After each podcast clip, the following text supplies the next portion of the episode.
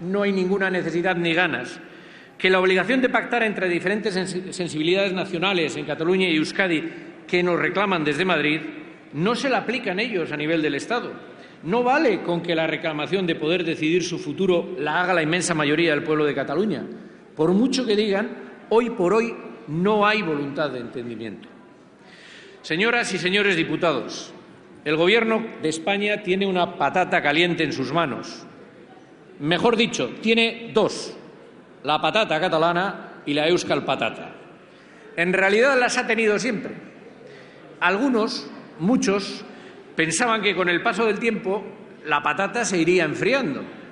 El tiempo que todo lo cura haría que se enfriaran, pues solo circunstancias externas y coyunturales, una dictadura, nada menos, habían hecho tomar calor al tubérculo.